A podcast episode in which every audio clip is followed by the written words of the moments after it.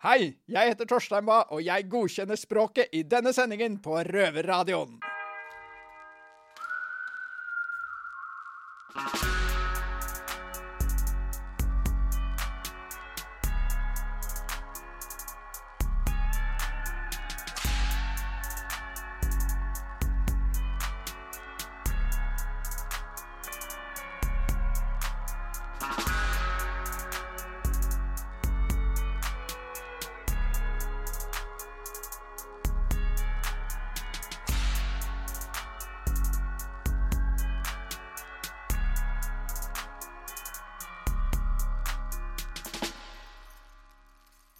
Nina, spiller du sjakk, eller? Nei, jeg veit åssen jeg skal flytte brikkene, men jeg kan ikke påstå at jeg er noe flink. Nei, men ser du på det på TV og sånt nå, Nei. eller? Nei. Fordi gutta i Oslo fengsel de har faktisk fått besøk av sjakkommentator Torstein Bae, de. Eh, Så nå er det sjakkfeber i Oslo. Så kult! Det må vi høre.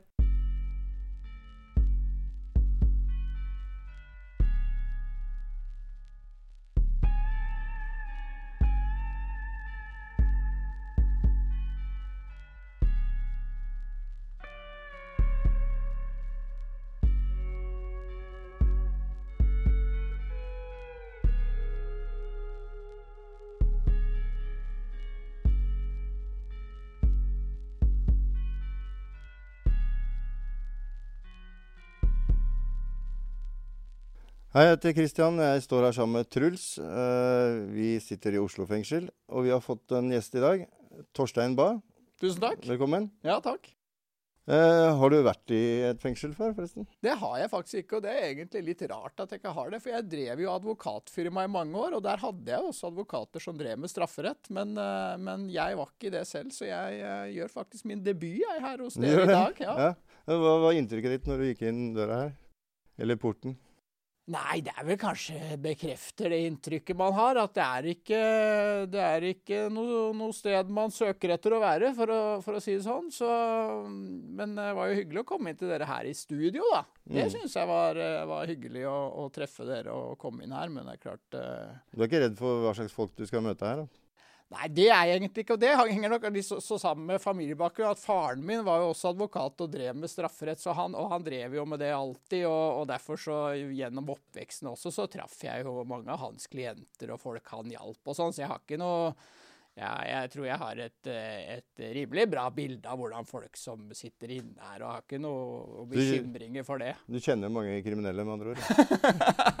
ja, nå er- begynner det å bli lenge siden, da, vet du. Så, men, men for så vidt også i sjakken, og det er noe av det fine med sjakk, at det er jo et miljø som fanga veldig bredt, ikke sant. Så også i sjakklubbene så, så er det klart det var folk som hadde vært inne til soning, og samtidig som satt og spilte liksom med samfunnstopper og skipsredere og, og alle mulige. Så det følte jeg når jeg kom inn i sjakken liksom, og ble ungdom og sånn, at det var noe av det som var veldig fint med egentlig den eh, blandinga. Okay, Er det noen som spiller sjakk sånn aktivt nå på, som vi ser på TV, eller som har sittet inne eller hatt en kriminell fortid? Nei, jeg vet ikke om noen av de vi ser på TV Der er det jo mest internasjonale spillere, så du skal aldri si aldri. Men eh, Magnus tror jeg i hvert fall ikke som jeg vet om har vært inne til soning foreløpig. Nei, det tror ikke jeg heller. Eh, mens vi er inne på kriminelle sjakkspillere, så har vi jo i hvert fall hatt en, eh, en høyaktuell kommentator på TV-sjakk. Kanskje vi spør litt om det, Kristian? Ja, David Toska. Ja, ja. Eh, hva, hva, hva tenkte du egentlig når han skulle begynne å kommentere sjakk på TV? Ja, jeg, jeg jeg tref, kjent, jeg kjente, jeg spilte jo i samme turnering med Toska også, da han var barn, og var jo blant de beste unge spillerne i, i Norge i, eh, i Oslo Sjakkselskap eh, den gangen. Og, og har jo et spesielt berømt parti mot en annen ledende norsk spiller som heter Helge Nordahl.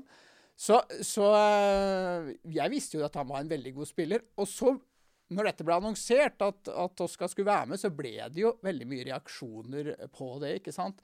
Og det syns jeg var en litt vanskelig sak, fordi på den ene side så syns jeg det var storveis at, at TV 2 tok ansvar på en måte og tenkte OK, la oss bruke Tosca, som er en, en kjent person og som har gjort opp for seg, ikke sant, og som nå kan, eh, kan eh, være med og bidra i studio.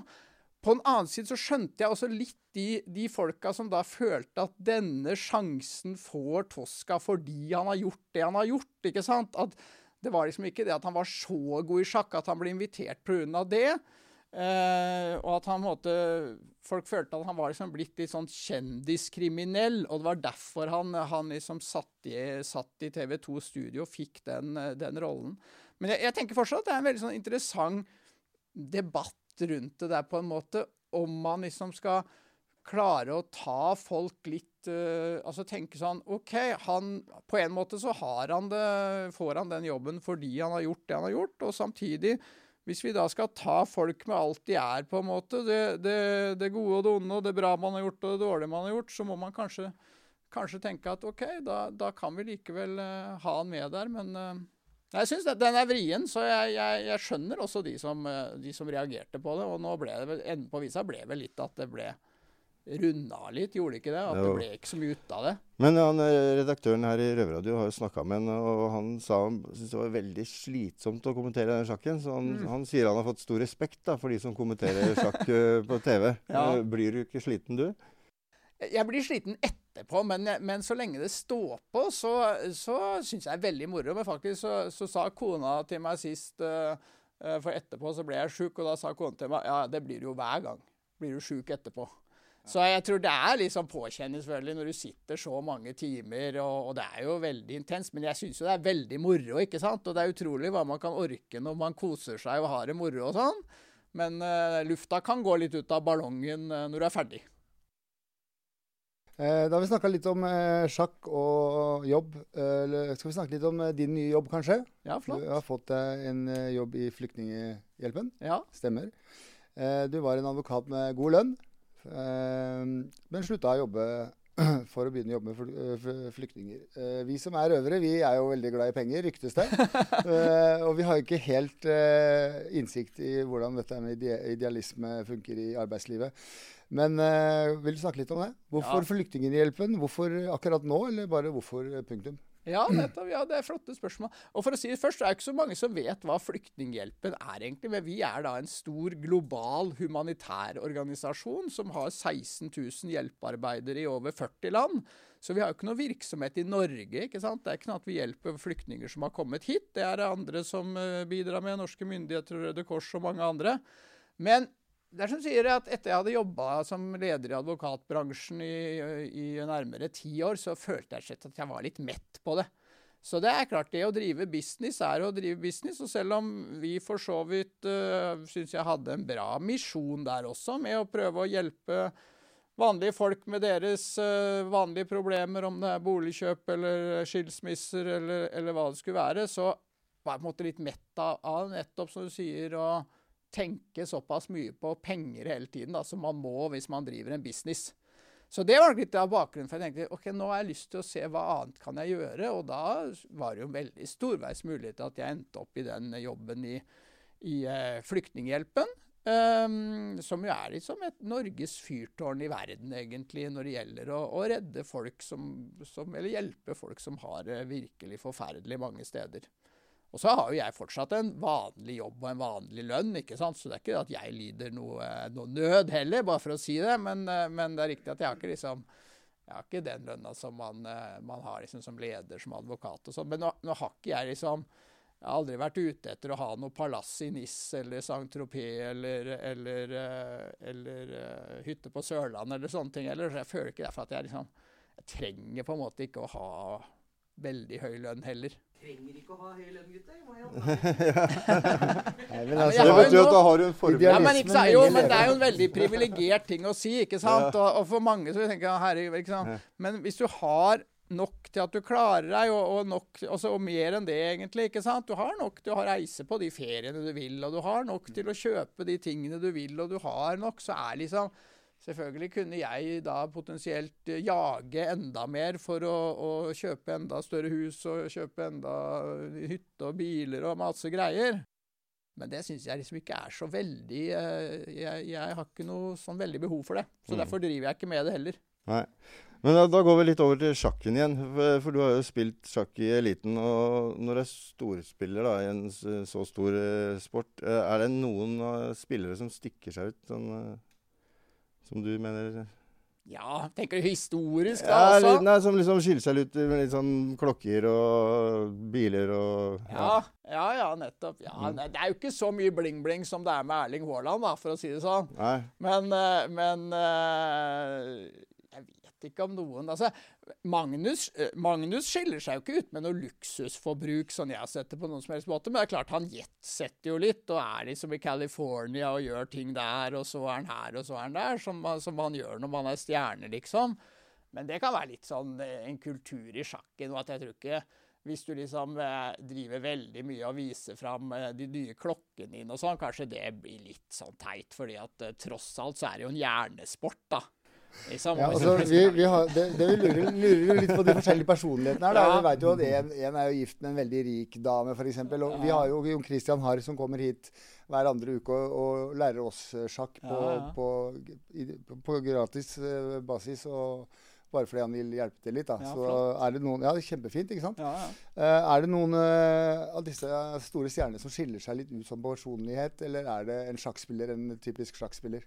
Nei, de, absolutt at de skiller seg ut. Og noen er jo veldig sånn går, liksom lever i sjakken som, eh, som ukraineren Ivansjuk, ikke sant? Som, som uh, du virkelig ser alltid liksom det kverner rundt i hodet på han nonstop døgnet rundt. Mens andre jo er mer sånn, sånn liksom vanlige folk som du kan prate med, på en måte. Så eh, alle har jo sine, sine personligheter, men eh, det er kanskje det vi, som er en grunn til at Magnus er blitt så stor også, tror jeg. At han kanskje utmerker seg som en ny type, liksom profil som i tillegg til å være sjakkspiller liksom snakker litt så fra levra, og som i tillegg er liksom eh, jobber som fotomodell og masse sånne greier. ikke sant? At det er noe sjakken har, har vært litt på jakt etter, da. Og ikke bare har liksom folk som er litt sånn grå. Men er det sånn at i bakgrunnen liksom, så er det Playboy-modeller og sånn, som bare venter på at gutta skal bli ferdig med siste Ja, det er det dere sånn? ikke ser på TV, men egentlig er det Åssen veldig ser egentlig en Det sjakk, ekte sjakkgroupie, åssen ser hun ut? Det er egentlig derfor vi driver med sjakk. Altså, ja. men vi avslører ikke det, Det er mye vi ikke ser på TV, liksom. Ja, Det er ikke politisk korrekt jeg vet, du, å snakke om det på TV, men uh, egentlig er det sånn.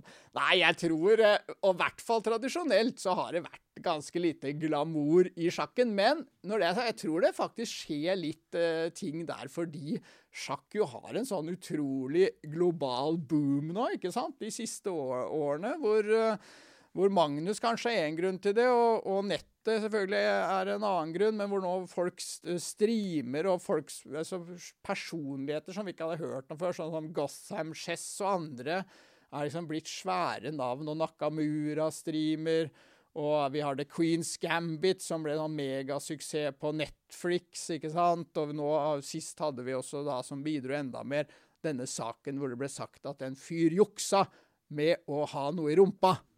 Og det var da enda bedre, ikke sant? Når, eh, Men, eh, så, så når alt dette kommer sammen, så blir det veldig mye som eh, bidrar til at det blir litt futt og fart om sjakken. Men da er spørsmålet mitt hva hadde den i rumpa? Ja, det er akkurat det som er spørsmålet. Det var veldig morsomt, for jeg var på Dagsnytt 18 og skulle snakke om det, og da merka jeg det at helt fra starten på det innslaget at de bare venta på at jeg skulle komme til det med rumpa. Så de fiska litt sånn Ja, men hva var det egentlig han gjorde da for å jukse? Og så, og så først så avventa de sånn Jo, jeg kan jo jukse på mange forskjellige måter i sjakk, og det ene og det andre. Men, jo, men hva var det? Hva, akkurat hva var det du tenkte? Sånn og sånn. Og til slutt så måtte jeg si da ja, det var analkuler i rumpa at det var snakk om, og da skjønte jeg, da var det en sikker suksess. Så det ble selvfølgelig også på nytt på nytt senere, da, siden det var så festlig. Men det var det det var sagt, at det skulle da være trådløse, vibrerende analkuler som da var koblet til en, f.eks. en telefon med sjakkprogram, eller en eller annen hjelpersjatt med det. Og så skulle han da få disse vibrasjonene som da fortalte at det var f.eks. en hest til B4, eller hva det var, da, som var det hemmelige signalet. Her inne så kaller vi det safen, da. Og her, altså, her, her går det både narkotika og vibrerende telefoner i samme rom, så det er ikke store nyheter for oss, dette her. Altså. Nei, Så dere ligger egentlig godt an da, for å bruke den Niemann-metoden videre med suksess. For å komme Så videre. vi skal passe oss litt når dere kommer ut. Passe oss litt. Hvis du ser oss i Oslo så, Så ser så dere spill med i- hvitt. ja, i romjula når dere er med på TV. Da Da tenker jeg OK, nå har gutta oppdaget noen metoder her. Men eh, hvem er, hvem er det egentlig som tjener mest penger av disse sjakkspillerne? Det er nok, Jeg vil, vil jo i hvert fall eh, jeg holdt på å si først at jeg er helt sikker på at det er Magnus. fordi hvis vi går noen år tilbake, så var det ikke noe tvil om det. At han var den som hadde mest premiepenger og mest sponsorgreier og sånn. Det, er- litt sånn med, med tidsalderen, på en måte, er det litt sånn at Det er ikke sånn at du må kanskje Det er ikke sånn nødvendigvis at den beste tjener mest. Fordi du kan tjene mye på streaming blant annet, og Twitch, og gjøre ting sånn som Nakamura f.eks. Så jeg er ikke sikker på om, om Nakamura potensielt kan eh, tjene mer enn Magnus. Og jeg er heller ikke sikker på hva sånne typer som, som Botes-søstrene, som også er veldig populære streamere på sjakk, eh, eller han eh, Rossmann eh, Gotham Che- Gotham Chess, hva han tjener. Så faktisk nå er det litt sånn Og det snakka jeg var interessant med noen som driver med andre ting enn sjakk òg. Som er liksom sånn Før i tida så var det liksom sånn at den beste var den største stjernen. Men sånn er det egentlig ikke nødvendigvis lenger. da, At du kan liksom være den største stjernen fordi du klarer å formidle innholdet og streame og twitche og gjøre morsomme greier, og sånn sett bli et større navn enn den som uh, har mest peiling. Men kom det fram egentlig hva slags analkuler som bør brukes i sånne sjakkspill, eller? Er ikke foreløpig, men jeg regner med at dere kommer til å forske videre her i Oslo fengsel. Og så kommer det sikkert med noen slags sånn avsløring, kanskje en vitenskapelig artikkel. Det var liksom festlig hele den historien, for jeg tror hele greia starta egentlig bare med at det var en på Reddit som skrev, liksom, kanskje antagelig på tull, da, at nå har jeg kommet på hvordan han Niemann jukser, og det er med analkuler. Og det syns jo da alle var så morsom teori. Så derfor så ble jo det da på alle talkshowene i USA, og så spredde seg selvfølgelig hitover. Og, Hva sier han sjøl? Nei, han avviser enhver juksing. Bortsett fra at han har juksa litt på nettet med å se på datamaskinen hans, som er en veldig vanlig juksing. Men alt med alt dette her andre, der avviser han og har gått i sak mot eh, Magnus Carlsen og krever en milliard i erstatning. Det sitter vel langt inne å innrømme at du sitter med analkuler på TV, kanskje. Han sitter veldig langt inne. Veldig langt inne. Hva tror, du, hva tror egentlig du om den eh, juksinga personlig? Jeg snakka litt med Jon Christian om det. og de, jeg, jeg merker jo at i sjakkmiljøet så er det meninger, selv om man er litt forsiktig med å ytre seg. Mm, ja, absolutt. Nei, nå er det jo vist for så vidt at han har juksa på, på nettet, men jeg tror det som uh, kan være vanskelig for en del å skjønne, det er at i sjakken har det vært sånn at det som skjer på nettet, det er litt sånn uh, uhøytidelig, og, og om folk jukser litt der, så er det på en måte Ja, du skal jo ikke jukse der heller, og sånn, men det er ikke så farlig. Eh, mens hvis du jukser i sånn brettspill, fysisk spill, eh, sånn som vi ser på TV i romjula og sånn, det er veldig alvorlig, og da kan du bare glemme å spille på toppnivå senere. Så jeg tror selv om Niemann har blitt tatt i dette nettjukset sånn, så er det ikke noe selvfølge at han har juksa i annen sjakk, og ingen har Ingen har klart for meg å, å bevise på noen god måte at, uh, hvor, hvordan det skal gjort, som vi var inne på. Hvordan har han gjort det, da, i så fall? Og, og vi, når har han gjort det? Så jeg syns det er en tynn suppe, hele de anklagene egentlig om, om juks i, eh, i fysisk spill. Og, og Niemann fortsetter jo også oppover ratinglistene, han nå, etter dette her òg. Ja, all reklame er god reklame. Ja, ja, ikke sant? Og, og eh, alle følger jo med på han nå, så det er vanskelig å tro at han fortsetter å jukse nå, men han fortsetter å gjøre det bra. Han, eh, han Niemann, og, og satser vel etter hvert da på å banke Magnus ned i støvlene også. Altså, mens vi er inne på sjakk, så er det jo også juks er jo ikke akkurat eh, en god måte å spille sjakk på, men eh, triks er lov. Jeg har hørt eh, eh, Hammer eh, har noen triks. Hva er dine triks? Nei, jeg skulle, tror jeg skulle hatt bedre triks jeg, altså, for å klare å, å uh, lure folk. For jeg syns sjelden jeg klarer det lenger, å ha noen særlig uh, gode triks. Men jeg vet det er forskjellige som prøver å, å psyke ut og sånn. Jeg husker jo Kasparov hadde jo sitt faste triks, at han alltid ved starten av partiet la fra seg klokka på siden av brettet, og så når han følte at nå var det nok, nå kunne du gi opp, da tok han på seg klokka igjen. Veldig demonstrativt. Så da, og da skjønte de andre tegninga, og uh, uansett hvordan det lå an da, så var det bare å kaste inn håndkleet når Kaspar tok på seg klokka. Men jeg, jeg vet egentlig ikke om jeg har noe sånn. Jeg har prøvd veldig mye på triks på selve brettet, liksom, med å ha sånne åpningsfeller og luringer i åpningen og sånn. Så det, det er en type triks jeg liker. Fortell. Nei, f.eks. Å, å tråkke til veldig hardt fra starten med åpninger som kongegambit f.eks., eller andre typer gambiter som eh, hvis motstanderen ikke følger med, så plutselig eh, har du veldig overtak etter bare noen trekk. da. Mm. Så det er, eh, det er en, en det, det liker jeg. Gambitspill. Det liker sikkert dere også her, gjør ikke? Og litt friskt gambitspill. Uh, Gambit-spill er interessant. Uh, engelsk åpning uh, spiller vi mye her. Hva er en gambit? Ja, En gambit er jo da at man gir bort en brikke, stort sett en bonde, i starten, sånn at man kan få ut brikkene raskt. Litt sånn offerspill, ikke sant? Offerspill, ja. ja. Som klubben til og med heter nå, dette med, med offerspill. Klubben til Magnus. Men så er det jo ellers, som du sier, at systemspill er jo blitt veldig populært. Sånn som London-systemet. Og det betyr jo egentlig at man gjør det samme uansett hva motstanderen gjør. Det er jo det som ligger i systemspill, og derfor så er jo det ganske effektivt. For hvis man da lærer seg det systemet eh, godt, så kan man jo bruke det hver eneste gang. ikke sant? Sånn London-systemet, da. Ja, og det er en slags gambit, eller? Man kan nok ofre å gi gambit eh, og ofre brikker der senere, men det er mer liksom en, en, åpning hvor man mer, hvis man skjønner hvor de forskjellige brikkene skal stå, og hvordan man skal flytte liksom, først løperne som hesten og alt dette her, så kan man få god stilling. Og Magnus også bruker det. Nå ble jo det til og med brukt for første gang i VM langsjakk, London-systemet nå mellom eh, Ding Liren og, og Jani Nepomniachtchi. Ja. Jeg vet, eh, jeg vet, at du er veldig god i sjakk, og, og, eh, så jeg lurer på hvor mye sjakk spiller du egentlig? Nei, nå spiller jeg egentlig lite, og har gjort det de siste ti årene. Jeg drev jo veldig mye med det fram til jeg var egentlig eh, ja, nærmere 35. Da hadde jeg først uh, ungdommen hvor jeg spilte og organiserte, og så var jeg leder i Sjakkforbundet etter det. Og så, etter jeg var ferdig med jusstudier, så var jeg fem år sammen med to andre. og og, eh, og, drev sjakkfirma, hvor vi hadde sjakkbutikk og sjakkarrangementer og sjakkurs og sånn.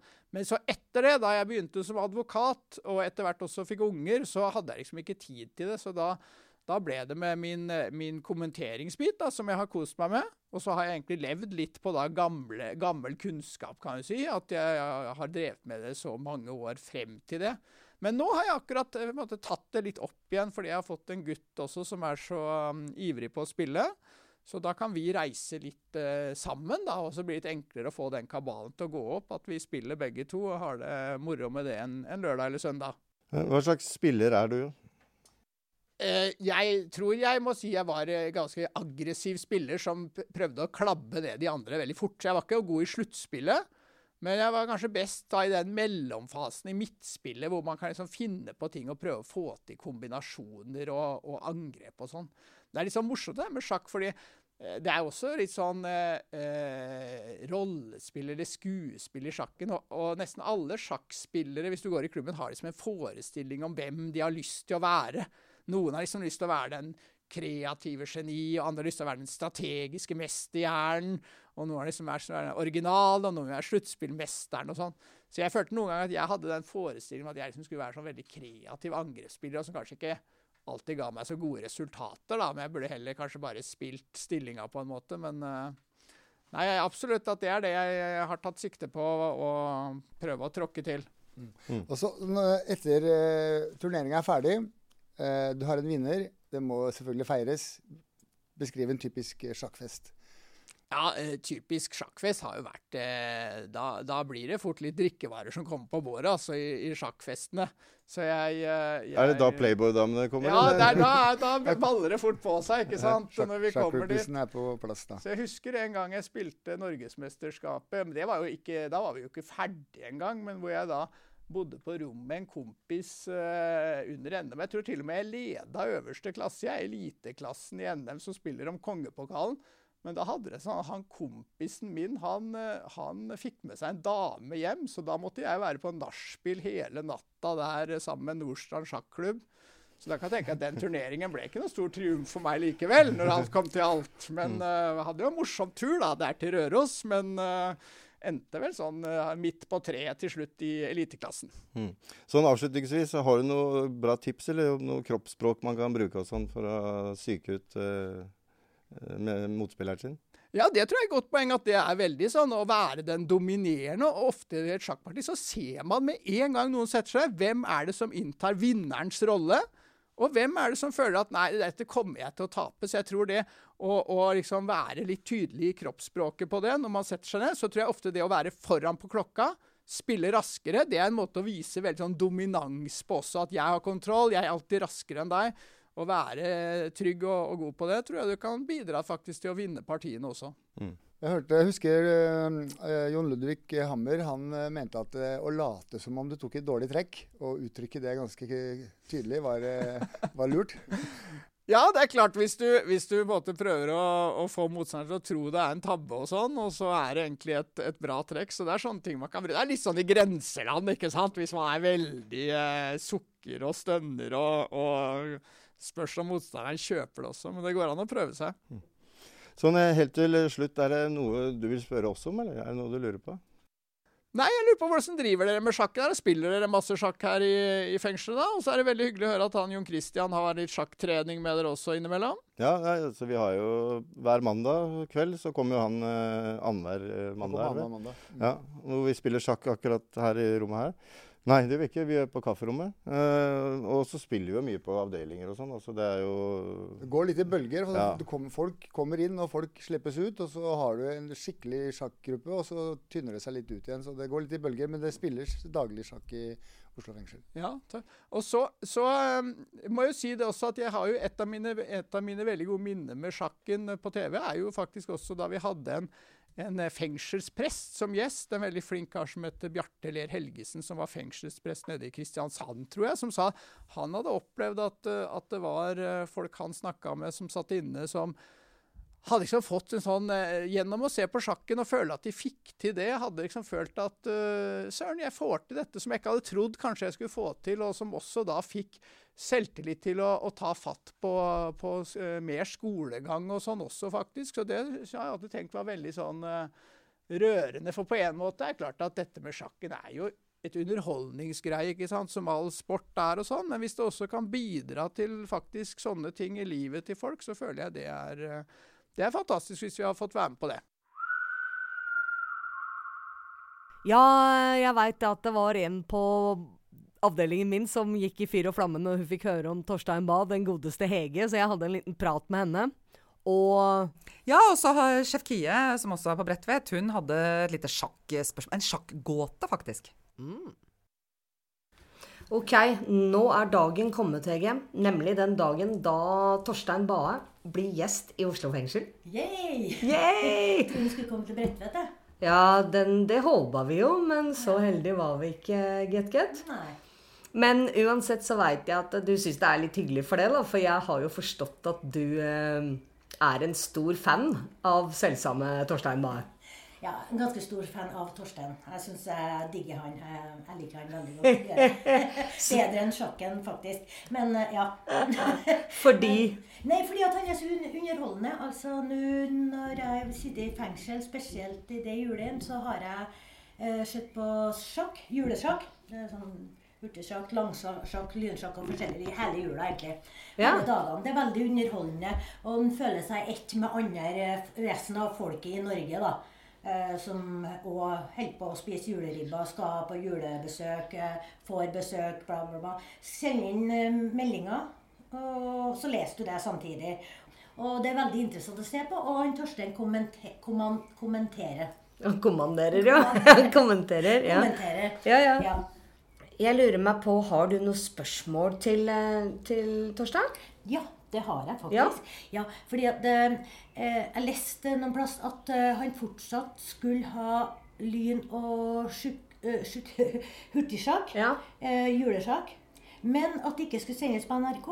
Så da lurer jeg på hvor sender han det? Og får vi som sitter i fengsel, til å se det på TV-en? Altså hvilken kanal? Ja, for vi har jo ikke alle kanaler her inne. Så det får vi jo bare krysse fingrene og håpe for, da. Ja, Absolutt. Det får vi. Og også så tenker jeg det at eh, kanskje det går an å invitere en til B2 en gang for å ha et kurs i sjakk, f.eks. Ja, det har vært kjempekoselig. Det syns jeg han kan gjøre. Det ja. kan du gjøre, Torstein. Det er det minste du kan gjøre. Når det er på Oslo, kan du komme til B2 òg. Heldigvis, Hege, så er det ikke så ille som du har forestilt deg, for her er det nok en liten misforståelse. Det er fortsatt verdensmesterskapet hurtigsjakk og lynsjakk på NRK i romjula. Så det trenger du ikke bekymre deg om, og det kommer det til å være i mange, mange, mange år til. Eh, for der tror jeg Magnus Carlsen kommer til å fortsette i 10 eller 20 år til med å være med der, og da henger vi oss på selvfølgelig på kringkastingen. Og så er det jo veldig hyggelig å, å høre at du tenker at det er så inkluderende også. Jeg tror jo det er absolutt en nøkkelting i at det har blitt så vellykka at, at uh, alle føler de er med. Eh, og, og, bidrar og er en del av det fellesskapet med sjakken. Så det er veldig moro å, å høre, Hege. Eh, og så kommer jeg veldig gjerne selvfølgelig til dere på Bredtvet og, og har et lite kurs. og Bare, bare spør det når det skulle passe, så kommer jeg, og, og, så koser vi oss med litt eh, sjakk og prøver å lære noen eh, nye triks og metoder som vi kan benytte i eh, senere durabelige dueller. Hei. Jeg hørte at du er veldig god i sjakk. Jeg er god, jeg òg. Men hvis vi spiller sammen, så kan jeg gi deg to hestene, og så spiller jeg med hesten. Hva tror du? Hva skjer? Jeg tror den skumle planen du har, er rett og slett å få en bonde helt over til andre siden, for da kan jo du også få en hest mot mine to hester, og hvis du er så god at du klarer å banke meg selv om du ikke velger dronning engang, da har du virkelig ærlig fortjent en eh, triumf. Så jeg tror vi nesten må ta et oppgjør senere, jeg, og se klarer du denne uhyre avanserte planen. Ja, eh, jeg og Truls vi er veldig glad i å spille sjakk, da, så vi har tenkt å høre med deg om ikke du kunne kommentere en match oss, for oss eh, nå på slutten? Det har jeg veldig lyst til å gjøre. så Jeg gleder meg nå til å se denne durabelige duellen vi skal få her i Oslo fengsel. Er dere de to beste i Oslo fengsel, da? Garantert. Garantert, ja. ja vi spilte jo, jo VM og NM her. Fikk jo sølv i NM for, lag, for ja. lagsjakk for fengsler. Og så ja, fikk vi sånn 56.-plass i VM eller et eller annet. Ja, kjempebra. Det var flere. Ja. Er du klar? OK. Og da er vi klare da for den uh, historiske duellen i Oslo fengsel. Det er Truls som åpner med hvite brikker, og Kristian svarer. Og det er kongebonde E4, E5, og så er tenketiden ett og et halvt minutt for hver. Og eh, blir en nokså jevn stilling ut fra starten. Må huske å trykke på klokka, gutter. Hesten kommer ut nå, og begge har utviklet seg. Det er fortsatt uh, jevnt. Kristian sliter litt nå, men spiller en uh, bonde. Så kommer et nytt bra utviklingstrekk der fra Truls, som har fått begge hestene ut. Satser på å få has på en bonde der, Christian. Men så kommer en gaffel, ja. Meget bra trekk der av uh, Truls, som får en gaffel nesten fra start. Ja, måtte gi fra seg løperen, men det var bra avgjørelse, det. Men mister den. Men dette er ikke kjørt, Christian. Det er bare å bite tenna sammen og spille bra trekk der med dronningen. Rokadetrekk, ja. Jevnt på klokka. Ett minutt omtrent for uh, begge to igjen. Spilt en tolv trekk. Veldig frisk trekk der av Truls. Sjakk, sier uh, Christian. Og hesten uh, kom ut der. Kommer hesten inn. Mister tårnet. Truls nå har overtaket i uh, denne duellen i eh, Oslo fengsel på røverradioen. Eh, bonden eh, kommer fram, truer hesten, tar til nøler. Er det nervene som viser seg for Truls nå, da? Kommer hest, tar til hesten, ja. ja. Det er knapp tid nå. Sekunder igjen bare. Løperen kommer. Kan bli tiden som blir avgjørende. Nå kommer løperen ut. Ja, går litt kortere. Løperen ut til E6 det er helt uh, uavklart foreløpig, men det er et tårn ekstra, vel, for Truls. Prøver å blokkere den opp. Ja, nå kjører Kristian på med sitt angrep her på Det er veldig bra angrepsspill her på sida nå. Ene etter den andre. Men prøver å bli kvitt en av angrepsbøndene der, da, Truls. 36 sekunder nå. Litt mer for uh, Truls. Og uh, er det Truls som tenker nå, da? Spiller løperne ut, ja. Så gjelder det for Kristian å komme videre med angrepet. Har, uh, har et tårn mindre. Litt vanskelig faktisk å komme videre nå. Ja, gå på med en ny bonde, men mister den. Men hadde ikke så mye valg, kanskje, for å prøve å å komme videre. Tårnet går ned. 22 sekunder bare, Christian. Litt mer for Truls, men også under 30 sekunder. Dette er jo et drama som går eh, VM hurtigsjakk og lynsjakk en høy gang, det vi ser eh, i Oslo fengsel i dag. Tårnet kommer opp. Tårndobling der for eh, begge. Eh, angriper. Ja, bra. Christian redda seg der med å lufte, så det blir ikke noe sjakkmatt som Truls hadde drømt om. Kommer inn, men nå er det bare sekunder igjen. Har et tårn og en, en løper ekstra. Truls. Løperen kommer tilbake. Tårnet eh, redd, nøler, flytter. Har eh, noen sekunder, bare sekunder igjen. Begynner å pipe litt til og med her, hører vi. Og eh, løperen, og der er tiden ute for Det blir Truls som vinner dette partiet. Gratulerer! Ja!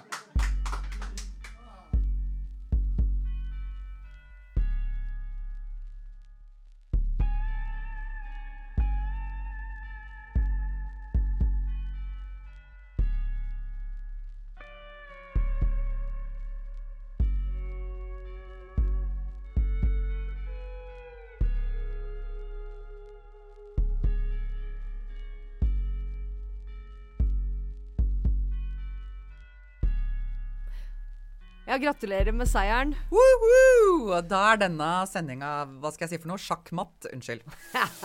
Dårlig, dårlig ordspill. ja. Denne sendinga er eh, over. Vi i Røverradioen vi er jo tilbake neste uke på P2 klokken 14. Mm, eller på podkast når og hvor du vil. Hvis du ikke sitter i fengsel, da. Helt klart. Eh, ha det bra. Ha det!